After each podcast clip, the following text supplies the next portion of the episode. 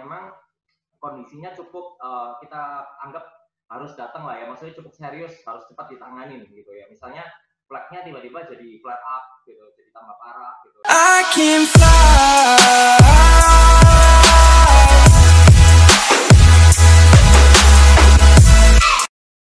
Selamat datang kembali di Aldo Adela Channel dan di video kali ini kita bakal membahas banyak sekali orang yang mengalami permasalahan kulit selama masa PSBB, selama masa di rumah aja. Dan hari ini kita bakal bareng Dr. Daniel dari Face atau Favorite Beauty Care. Kita bakal bahas gimana sih permasalahan yang banyak dialami orang dan solusinya seperti apa biar muka kamu nggak bermasalah selama masa di rumah aja. Stay tune in this video. Sebelum kamu nonton video ini, jangan lupa pencet tombol subscribe karena subscribe itu gratis. Dan juga jangan lupa pencet tombol lonceng agar kamu selalu update video terbaru dari channel ini. Dan hari ini, halo Dokter Daniel. Halo, halo. Gimana dok? Kabarnya dok? Baik, baik aja. Selamat. Gimana? Baik dok, luar biasa dok. Ngapain aja dok kegiatan? Buka nggak klinik selama PSBB Surabaya? Jadi uh, tetap buka sih, tetap buka. Tetap buka, ya? Tapi dengan catatan, ya, tetap dengan catatan. Jadi dokter Daniel ini kan di Favorite Beauty Care. Alamatnya di mana dok? Ya, di Manyar Jaya 2 nomor 4. Gimana? Protokol? Informasi aja. Uh, sekedar informasi aja nanti di tahun ini kita bakal rebranding jadi namanya jadi Fasena. Jadi bukan favorit lagi. Oke, yang di Instagram Fasena itu aku pikir yes. produk, Bro. Ternyata tuh mau rebrand ya. awal ya mau rebrand. Jadi nanti pasti kita ngelibatin MC Hits ini untuk rebrand. Nanti kita Waduh. gitu. Mantap. Jangan lupa ikut berpartisipasi. Siap, siap. Apa tuh? Fasena itu apa? Bedanya apa nih? Kenapa kok rebrand, Bro? Jadi sebenarnya kita ingin ningkatin pelayanan ya. Jadi kalau dulu favorit itu kan identik dengan uh, sekedar cuma klinik kecantikan gitu ya. Mm -hmm. Kalau Fasena ini kita lebih ke arah aesthetic and wellness gitu loh. Jadi kita juga terima kayak terapi hormon, terus wow. kayak uh, merubah gaya hidup jadi lebih sehat gitu. Jadi tidak sebatas tentang kecantikan, jadi juga tentang kesehatan kayak gitu. Dan rencana aku sih nanti mungkin ke depannya kita juga bakal gandeng kayak beberapa dokter spesialis yang memang uh, kerjanya di bidang wellness, kayak mungkin nanti ada akupuntur, kayak uh, vaksin kayak gitu-gitu. Jadi kita nanti ke depannya lebih ke arah kecantikan dan kesehatan. Intinya gaya hidup lah tuh. Oh lifestyle ya, biar nggak cuma kulitnya ya. jadi rawat, tapi dari dalam dirawat juga ya, gitu ya. ya. Eh, gimana bro? PS, PSBB kan orang-orang pada mungkin takut. Protokolnya gimana sih kalau di klinik kecantikan, bro? Uh, jadi pertama gini sih, kita buka itu belum tentu terima pasien ya, karena uh, kalau selama PSBB yang kita push ke pasien adalah mungkin dengan penjualan produk, karena selama hmm. di rumah pasien tetap harus perawatan. Jadi klinik uh, tetap buka karena uh, ada beberapa yang kita bisa lakukan. Pertama, kita menerima konsultasi online. Jadi kalau dulu kalau konsultasi kan harus ketemu dokter. Oke, okay. Nah sekarang kita punya namanya teleconference gitu, jadi yes. uh, konsultasi secara online. Jadi kita lagi video call kayak gini, pasien akan cerita, dok masalahku seperti ini ini ini, apa yang bisa kamu bantu untuk aku? Jadi biasanya uh, kita akan kasih kayak produk, kita akan kirim seperti itu. Terus hmm. memang ada beberapa pasien yang memang harus tetap datang ke klinik karena memang kondisinya cukup uh, kita anggap harus datang lah ya, maksudnya cukup serius, harus cepat ditangani gitu ya. Misalnya flagnya tiba-tiba jadi flare up gitu, jadi tambah parah gitu. Jadi uh, memang itu kalau harus datang dengan beberapa protokol kesehatan. Jadi yang pertama mungkin kalau boleh cerita sedikit, kita memang batasi appointment ya bro. Jadi maksudnya hmm. uh, kalau dulu orang memang appointment tapi boleh datang langsung, jadi bisa okay. gantiin. Kamu hmm. tiba-tiba mau facial datang gitu. Kalau sekarang nggak bisa, jadi harus appointment gitu. Terus kita juga batasi jumlah staff yang masuk. Jadi kalau sekarang kamu main ke klinik, jumlah staffnya nggak sebanyak dulu. Jadi kita hmm. kurangin 50% lah. Okay. Gitu. Jadi supaya apa? Supaya tidak terlalu banyak kerumunan. Jadi yang bisa work from home ya. Oke. Okay. Terus uh, kita juga jalanin protokol kesehatan yang baru ini kita lakukan seperti mm -hmm. uh, ruangan tuh harus disterilin pakai sinar UV. Jadi kayak di ruang operasi gitu loh. Oke. Okay. Uh, terus guardnya juga sekali pakai. Jadi intinya banyak perubahan yang kita lakukan karena uh, mau tidak mau kita harus bersiap juga untuk yang namanya new normal kan. Gitu. Mm -hmm. Ya, Dan jadi okay. uh, memang buka tapi protokol kesehatannya harus lebih ditingkati. Dijaga ya siap-siap udah dibiasain new normal. Yeah. Terus gini bro, yeah, kan biasanya aktivitas kita di luar, sekarang kan PSBB itu masalah kulit jadi makin banyak atau malah berkurang karena kita nggak kena debu, nggak keluar, nggak kena panas? Jadi sebenarnya makin banyak. Hah? Kalau Serius? pengalamanku makin banyak. Justru Kita- makin banyak. Saat PSBB malah makin banyak nih, menarik nih. Kok bisa gitu? Kenapa, Bro? Makin banyak. Ah, Karena selama kamu di rumah itu ada banyak perubahan aktivitas gitu. Yang dulunya kamu sebenarnya gini, dulu ketika kamu di rumah itu kamu cuma di rumah paling cuma beberapa jam ya kan? Betul. 8 jam lah di rumah. Misalnya di luar gitu. Tapi ketika kamu 24 jam aja di rumah, itu pola hidupmu atau aktivitasmu itu berubah. Dan itu yang akan micu banyak masalah kulit sebenarnya. Kayak gitu. tapi secara Sebenarnya Pak- topik ini menarik banget gitu. jadi secara pasienmu malah lebih banyak nggak, Bro? Yes, ya. Malah lebih banyak menurutku. Jadi lebih banyak yang bermasalah tepatnya.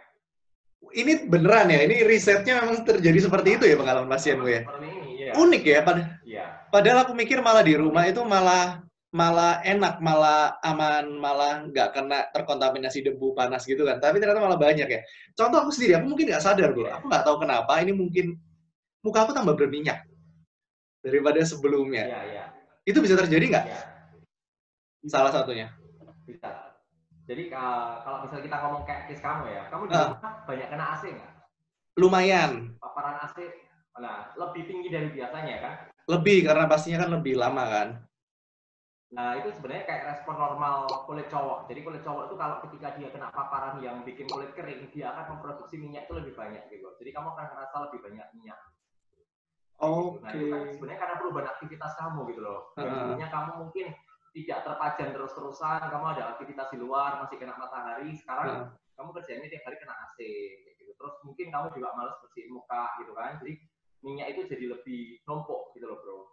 Hmm, selain itu ada apa lagi nih pengalamannya? Masalah-masalah Uh, kulit. Misalnya case yang masalah kulit yang paling sering ya, yang Yes. di Selama ini, di rumah nih. pertama tuh kulit kering. Uh, Uh-uh. Yang pertama yang paling tinggi adalah kulit kering.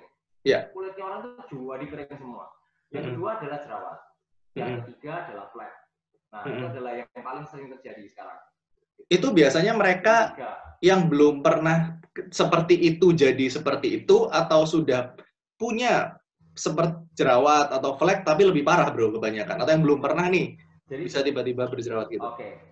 Jadi kalau kasus baru menurutku dari eh, dari pengalaman selama ini mungkin 20% ya. Sedangkan Oke. 80% itu kasus lama gitu. Jadi yang Mm-mm. dulunya udah kita tanganin, masalahnya udah hilang, ternyata sekarang kumat lagi gitu. Hmm. Itu contoh Jadi, uh, penyebabnya apa aja? Kita mau bahas yang mana dulu? Karena penyebabnya beda-beda. ya. Yang paling banyak dong, yang paling banyak apa tadi? Kulit kering. Kulit kering.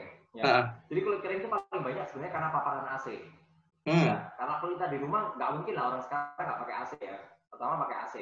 Terus yang kedua karena dia sering di rumah, biasanya Ya. dia uh, punya aktivitas baru. Sekarang kan kamu di rumah ngapain? Nonton drama Korea, Instagram gitu ya. Akhirnya uh, asupan airnya juga berkurang gitu loh. Karena kita Hmm. selalu asik bukan handphone.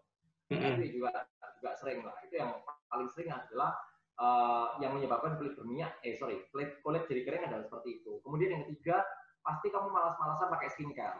Gitu. Jadi Mm-mm. Yang dulunya kulitnya kering tapi dia tiap hari mau pakai pelembab sekarang nggak mau. Kenapa? Lo aku lebih rumah aja ngapain aku harus uh, pakai skincare macam-macam gitu. Jadi kulitnya jadi tambah kering. Itu yang paling sering terjadi sebenarnya. Gitu. Terus kalau berikutnya jerawat ya. Kulit kering, jerawat, flek ya. Jerawat gimana Pak? Jerawat tiba-tiba kambuh jerawatnya kenapa tuh? jerawat ini paling banyak faktornya. Paling Hmm. banyak. Jadi yang pertama kenapa orang bisa jerawatan? Pertama paling sering itu adalah karena makanan. Mm-mm. ya ketika kita di rumah terus kita itu sering ngemil. Biasa orang jadi sering ngemil kan. Semua orang jual makanan ya kan?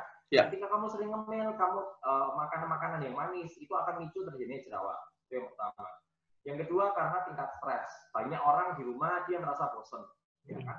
Ketika kita bosan kita stres berkepanjangan lama-lama hormon kortisolnya meningkat gitu. Nah, hormon kortisol itu hormon stres bro. Jadi itu yang akan micu terjadinya jerawat. Jerawatnya biasanya jerawat hormon jadi kayak jerawat batu gitu kemudian yang ketiga bisa juga karena kamu uh, kurang istirahat. Jadi nonton drama Korea terus nggak pernah olahraga males bersihin muka kayak gitu. Jadi uh, perubahan pola hidup itu yang akhirnya bikin orang itu gampang jerawatan setelah Hmm.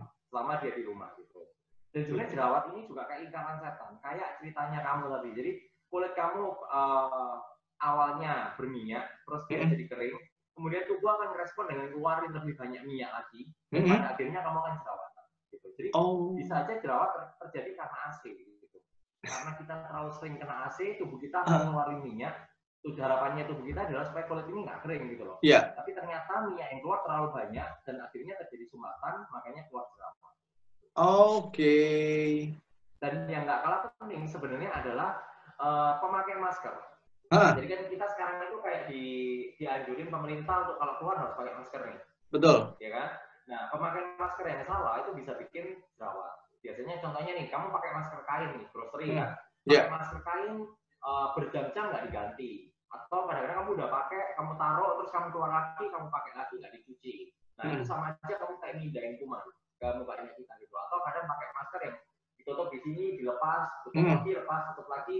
Itu sama aja juga mindahin kuman dari tempat lain ke muka gitu. Makanya Hmm. biasanya kalau orang jerawatan karena pakai masker itu biasanya keluarnya daerah sini. Dan itu banyak. Oke, masker ternyata ya. Yang benar jadi dipakai aja terus ya, jadi buka-buka gitu ya. Yes. Terus uh, memang masker kain itu disaranin cuma maksimal 3-4 jam. Setelah itu harus Oke. cuci. Jadi buat teman-teman yang memang harus keluar dan pakai masker kain, masker kain itu nggak bisa bawa cuma satu gitu loh. Jadi harus Oh, peluang bisnis juga nih ya. Jadi masker 3-4 jam harus ganti biar nggak Yes, yes. biar nggak Jadi jerawatan. intinya supaya tidak bawa kuman gitu lah ya, iya. Gitu. Kalau flagnya bro kenapa tiba-tiba? yang- Kalau flag nih, flag ini juga unik nih. Jadi Hmm. ingat nggak ke- ketika kita mulai PSBB, usaha apa yang paling sering dijalankan sama orang sekarang? Orang paling sering apa yang sekarang? Makanan, masker. Masak kan? Ya kan? Makanan kan? Jadi Heeh. orang buka open PO kan masak. Nah, Betul. gimana kita tahu ketika kamu masak itu Heeh. sebenarnya panas dari masakan itu juga akan memicu terjadinya flag. Gitu. Jadi eh, bikin flag itu jadi kuman. Oh, dan itu memang memang tidak memang bukan pada semua orang ya tapi kalau Ah. ada orang yang sudah punya flag ketika kena uh, panasnya dari panci itu akan bikin uh, flagnya itu kumat gitu loh dan Hmm. kita lupa kita itu nggak pakai sunblock ya mana ada orang masak mau pakai Iya. Bener nggak? masak kan biasanya jam 4 pagi jam 5 pagi udah Ah. masak nih dia udah uh, dia belum cuci muka dia belum pakai krim tapi dia udah masak itu paling sering bikin flag gitu Oh, oke. yang lucu lagi, flag itu muncul karena berjemur. Nah, orang sekarang kan lagi trennya berjemur nih kan. Iya, betul. Bisa anu lah, kayak gitu deh, tahan tubuh. Dia Hmm. berjemur tapi lupa pakai sunblock. Gitu. Dan yang Hmm. paling mencengangkan bro, jadi ketika kita di rumah, ketika kita di rumah, itu kita tetap harus pakai sunblock. Kenapa? Karena sinar matahari itu Ah. ternyata bisa masuk ke dalam rumah. Gitu. Di rumah, Nggak dipahami. Di rumah Pakai- harus pakai sunblock. Ya, jadi kayak kita posisi sekarang ini dalam Ah. ruangan, Ah. itu sebenarnya sinar matahari bisa masuk. oke. Karena kalau rumah kamu itu banyak kacanya, Hmm. gitu. Kalau sunblocknya yang seberapa bro? rumah kan, SPF berapa? Jadi sunblocknya yang bisa masuk itu adalah sinar UVA. Nah, Mm-mm. sinar UVA itu dilihat bukan dari SPF, tapi dari namanya PA. Jadi ada Hmm. beberapa sunblock yang dia punya perlindungan terhadap sinar UVA itu dinyatakan dalam PA. Jadi misalnya nih, sunblock 15 SPF PA++. Hmm. Nah, yang dinilai itu adalah PA-nya. Karena kita berbicara tentang UVA. Yang bisa masuk ke dalam rumah adalah UVA. Di mana kalau UVB itu relatif masih aman. Nah, kadang orang juga salah lagi. Hmm. Uh, dia tahu sinar matahari masuk ke rumah, tapi sunblocknya yang dipakai cuma SPF. Nggak ada perlindungan terhadap UVA-nya. Oh, berarti milih sunblock itu juga ada nggak boleh salah juga ya? Ada caranya. Benar. Kalau salah percuma juga. Terus gimana nih bro solusinya biar kan ke klinik susah kan mungkin orang yang komedonya banyak juga susah facial. Solusinya gimana kak untuk teman-teman yang mau ngerawat wajah di rumah dengan mudah gimana nih?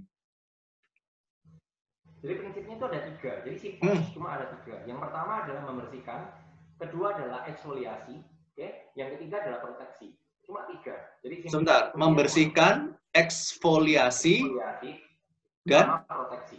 proteksi. Proteksi. Gimana tuh? Yes. Jadi pertama membersihkan itu artinya adalah kita itu harus rajin membersihkan wajah gitu ya. Nah, Hmm. nah, membersihkan wajah itu tidak cukup dengan sabun sebenarnya. Mm-mm. Tidak cukup dengan sabun. Jadi eh, kalau di Korea, bro, itu ada istilah namanya double cleanser.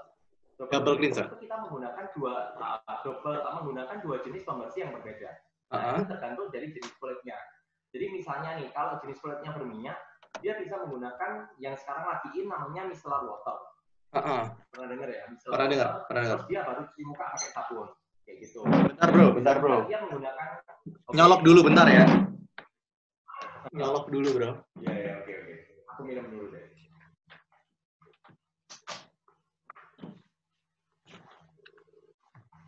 Oke, okay, habis double oke, okay, habis double cleanser gimana? Double cleanser ini tujuannya gini, tidak semua hmm. kotoran itu bisa kamu bersihin pakai sabun. Yes. Itu harus ada beberapa kotoran yang memang harus diangkat dengan pembersih lain. Contohnya adalah milk cleanser, micellar water atau toner dan itu memang disesuaikan dengan jenis kulitnya. Kalau misalnya ingin tahu uh, apa namanya pembersih yang paling cocok untuk jenis kulit kamu sebenarnya itu bisa ditanyain ke dokternya gitu loh. Karena kan dokternya pasti tahu nih, oh jenis kulit kamu seperti ini, jadi kamu butuhnya sabun sama apa gitu. Hmm. Dan uh, kandungan bahannya itu juga harus benar gitu loh. Hmm, kadang orang malah terlalu sering cuci muka, malah dia komplainnya dok muka saya tambah kering sekarang. Hmm. Itu bisa aja karena bahan-bahan yang di sabun mukanya itu yang bikin kulitnya jadi kering gitu loh. Jadi hmm. mungkin ya bro akan terjadi pergeseran di mana kalau dulu kamu cocok dengan produk A, kamu sekarang jadi nggak cocok lagi. Jadi kamu harus ganti dengan produk B. Kenapa? Hmm. Karena aktivitas kamu beda gitu. Dulu kamu lebih banyak di luar ruangan, sekarang kamu di dalam ruangan. Jadi pembersih wajah pun harus disesuai, disesuaikan.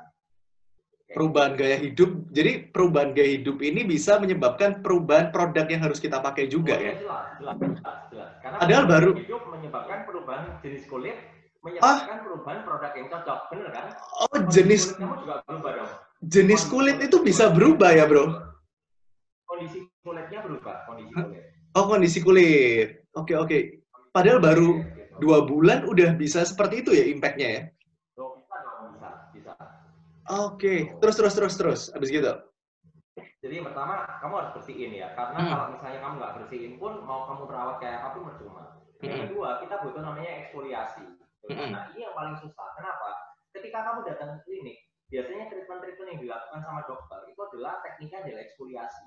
Eksfoliasi itu bisa menggunakan cara kimia, misalnya kayak chemical peeling, misalnya kamu mau peeling gitu ya, mm-hmm. atau menggunakan teknik fisik, misalnya kayak di mikrodermabrasi atau yeah. di laser, itu adalah teknik eksfoliasi. Kenapa eksfoliasi? eksfoliasi? Mm-hmm. Supaya uh, apa ya bahasa Indonesia-nya itu kayak dirangsang pengelupasannya mm, gitu ya. Yeah. Tujuannya itu supaya kulit barunya terbentuk. Lebih bagus. Nah, lebih yeah. bagus. Kulit yang baru, yang bagus itu akan keluar.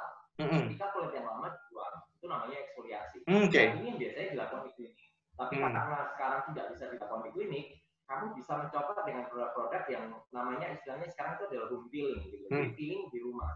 Hmm. Nah, beberapa klinik memang nyediain uh, paketan untuk peeling sendiri di rumah, gitu. Jadi biasanya dikasih uh, di tempat kecil-kecil, terus nanti dikirimin ke pasien, pasien oles-oles sendiri. Tapi dosisnya mungkin diturunin, gitu. Hmm. Karena uh, beda antara ketika pasien yang peeling sendiri ke mukanya sama dokternya yang peelingin karena peeling itu kan sebenarnya juga cukup bahaya ya karena ada resiko hmm? iritasi, resiko hmm.